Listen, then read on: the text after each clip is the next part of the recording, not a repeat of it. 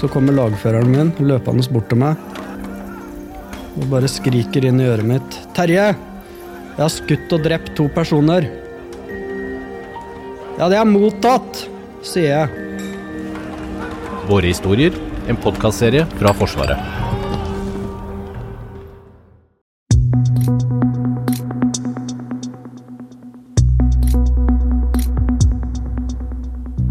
Siden sommeren 2022 har Forsvaret evakuert sårede og syke fra Ukraina. Hver uke har pasienter og pårørende blitt henta og flydd til land i Europa. Nå i november hadde mer enn 2000 blitt evakuert, noe som gjør oppdraget til den største luftevakueringen Norge har gjort noen gang. I denne ukens Forsvarspodd får du være med på oppdraget og treffe menneskene. Dette er Forsvarspodden, og jeg heter Fredrik Ringnes.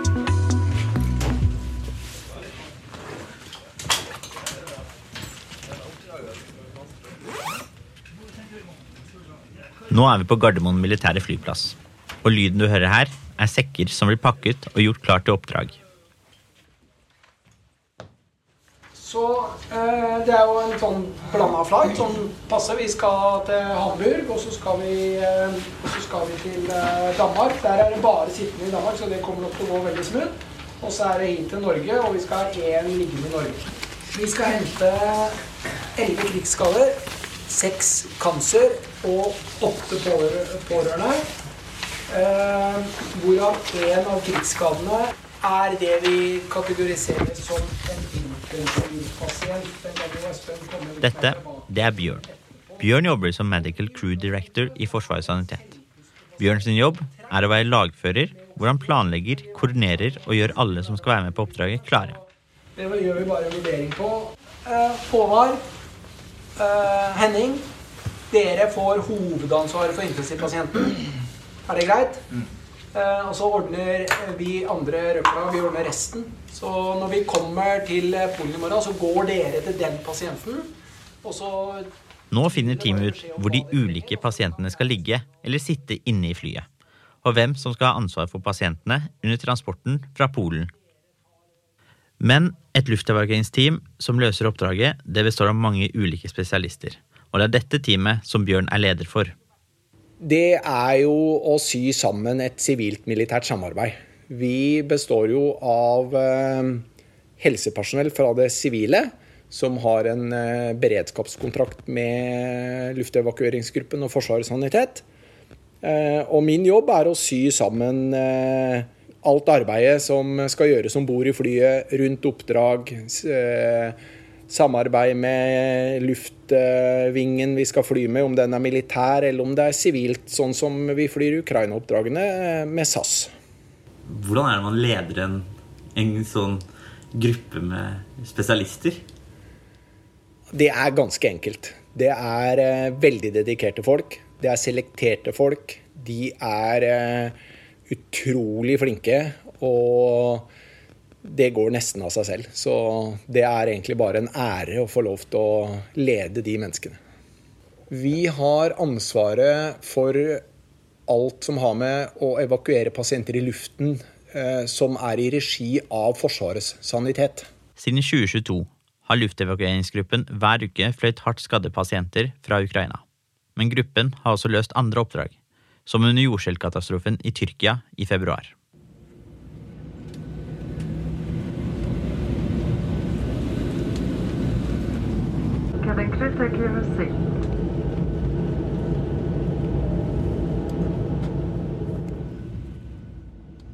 Denne lyden kjenner du sikkert igjen.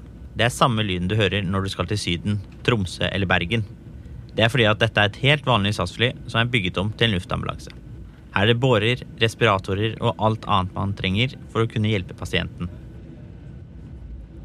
Inne i flyet er det også seter til pasientene og de pårørende.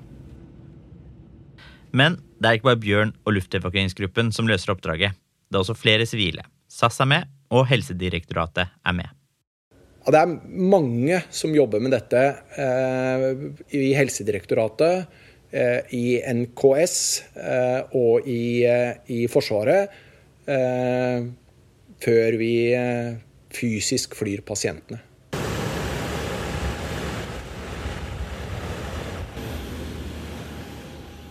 Vi har landet øst i Polen. Her er det stille. Eller så stille som det kan bli på en flystripe, hvor du kjører lastebil med bensin, busser med passasjerer som skal på ferie, og fly som tar av.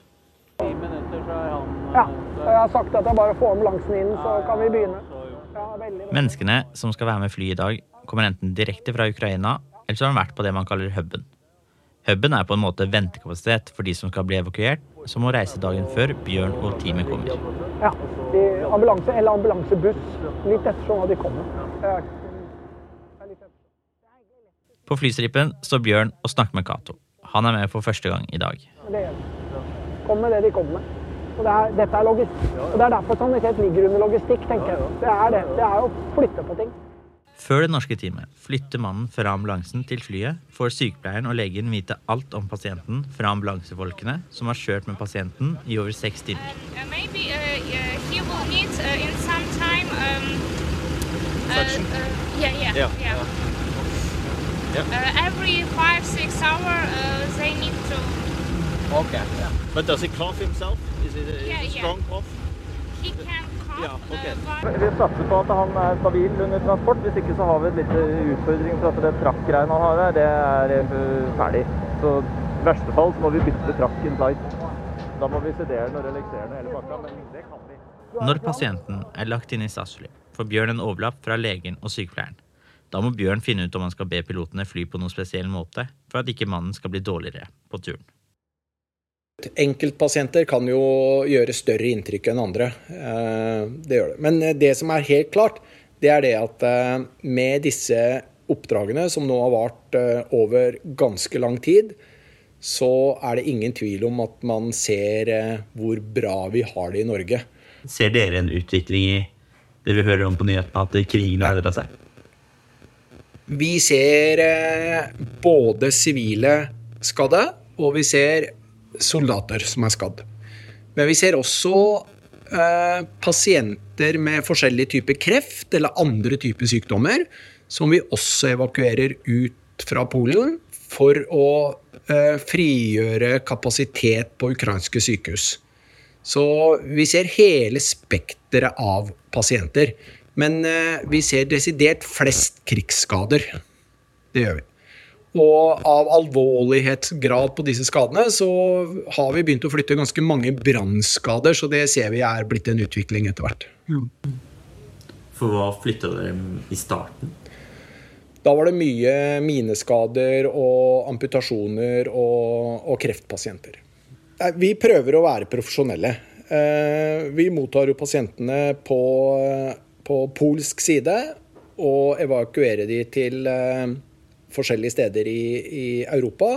Tyskland, Nederland, Belgia, Frankrike, Norge osv. Eh, og det å oppføre seg profesjonelt, eh, være hyggelig, eh, prøve å tilfredsstille de behovene de har, eh, både pårørende og, og pasienter. Eh, vi har mange barn med oss eh, som er pårørende, og også syke barn og skadde barn. Eh, så vi prøver bare å gjøre jobben vår som om vi var på et hvilket som helst sivilt sykehus eller hvilken som helst sivil luftambulanseplattform. Vi må være profesjonelle i jobben vår, og det er kanskje en måte å overleve på også. At vi gjør dette som en profesjonell eh, enhet.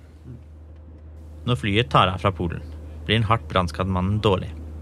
Bjørn sin jobb blir da å få oversikt og sagt ifra til de som skal få pasienten i Tyskland.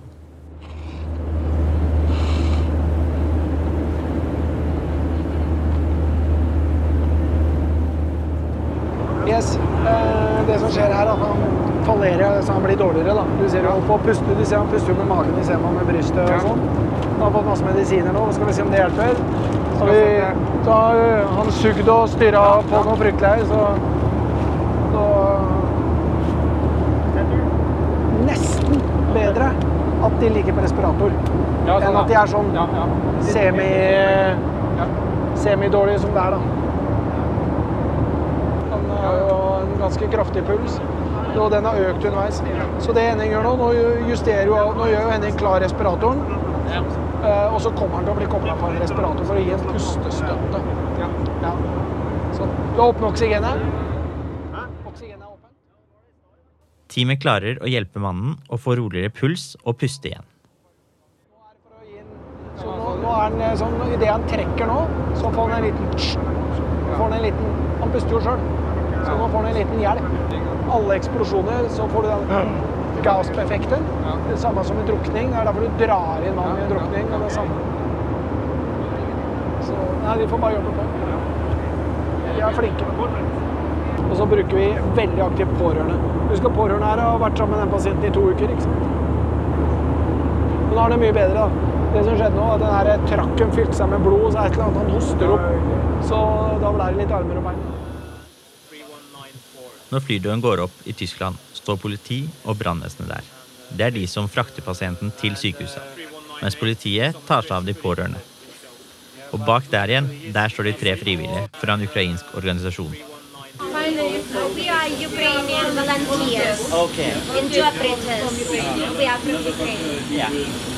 En av de frivillige, hun heter Lubov. Hun har vært i Tyskland siden 2014, da krigen brøt ut i Øst-Ukraina. Og har siden 2022 hjulpet de som kommer til Tyskland med å bli registrert, og hun går ofte på sykebesøk. Uh, somebody, some, um, and I have come just from the studying their work. And, and we are supporting them and uh, visit them at the hospitals. Yeah. And then uh, during the re- rehabilitation time, uh, we do a lot of job. Registrering Uh, yes, regi- uh, regis- Yeah, it's a lot of register, yeah, to register all the documents uh, and the needed. Nå får Lupo og de to andre beskjed om å vente nede på bakken. Så kommer de pårørende, som trenger hjelp litt senere. Sie können gerne am besten durch die Fahrzeuge gehen. Wenn die Patienten runterkommen, Ja, in Habe die ich, Fahrzeuge. hab ich auch so gesagt. Okay. Sehr gut, danke schön. Okay, bye bye. Bye bye. All guys from Hamburg Fire Department. Very good. See you next time. Safe trip home. Thank you. Thank you. Fremme i Tyskland blir den hardt skadde mannen tatt med til sykehus. Og for resten av teamet som er på oppdraget, går flyet videre til Danmark. Her går det av fem stykker. Før Norge, hvor den siste liggende og flere sittende går av. Alle er ombord, for vi lukker dørene. Uh, Det siste som gjenstår for Bjørn og teamet i dag, er en kjapp evaluering av hvordan dagen gikk, før man gjør klart til neste oppdrag. Men eh, det fiksa du jo med noen sånn Kongsberg-trylletriks. Det vet jeg hva du var putta inn, men det virka i hvert fall. Det vi ser, da, det er det at eh, de kommer eh, Vi kaller jo dette en intensivpasient, i hvert fall i min lille verden. eh, Selv om man puster selv og sånn. Og så ser vi at fra de har starta transport en eller annen gang for et døgn eller to siden fra et militærsykehus sånn, de, de kommer fra krig. eh, og de gjør en veldig god førsteinnsats på pasientene. Og så ser man jo at bakover i kjeden så fallerer den behandlingsregimet deres. da. Det ser vi. Så det er bare bekreftelse på det vi har snakka om og tror, at det, det, de er dårlige når de kommer. Så enkelt er det. Men det er veldig, veldig bra jobba. Yes, eh, Nå kom det akkurat melding om at det blir Paris neste uke, mest sannsynlig. Så det blir eh, Og da er ikke det så langt at da pleier vi å reise dagen før. Jeg husker jo ikke det her flight, for da ble flytida bli så lang. Så da blir det antagelig avreise tirsdag ned til Polen, overnatte, og så en lang dag eh, sånn. Så for de som har vakt på det, er det du som flyr, eller rundt som tolv? Hvordan er det å ha vært med på noe så, så stort nå? Har du tenkt noe over det? Ja, det tenker jeg over hver uke. Eh, og det Altså, selve operasjonen går, eh, går eh, veldig, veldig bra. Eh, men at det er en suksesskriterium at vi evakuerer krigsskade og, og, og, syke, og syke mennesker, det er jo en, ja, en merkelig sak i 2024. Eh, Så det tenker jeg jo på hver eneste uke, hva vi egentlig driver med.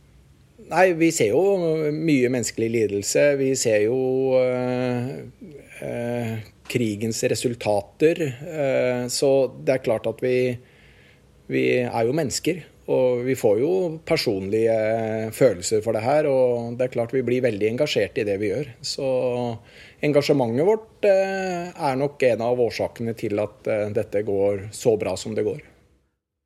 Hvor lenge tror dere kommer til å fly dette oppdraget her? Hvor lenge vi kommer til å fly dette oppdraget, kan, er vanskelig å si. Det har jo noe med utviklinga av krigen å gjøre, det har noe med det europeiske helsevesenet å gjøre, det har noe med hvilke aktører EU eh, ber om bistand fra. Eh, men eh, luftevakueringsgruppen er i hvert fall rede til å gjøre dette oppdraget så lenge det er behov for å gjøre det. Du har hørt Forsvarspodden. Hvis du abonnerer på oss, får du nye episoder rett til mobilen. Og de som lager Forsvarspodden, er Ragnhild Fjellero, Hege Svanes, Lars Hallingstorp, Thomas Haraldsen, Jørgen Lyngvær og jeg, Fredrik Ringnes.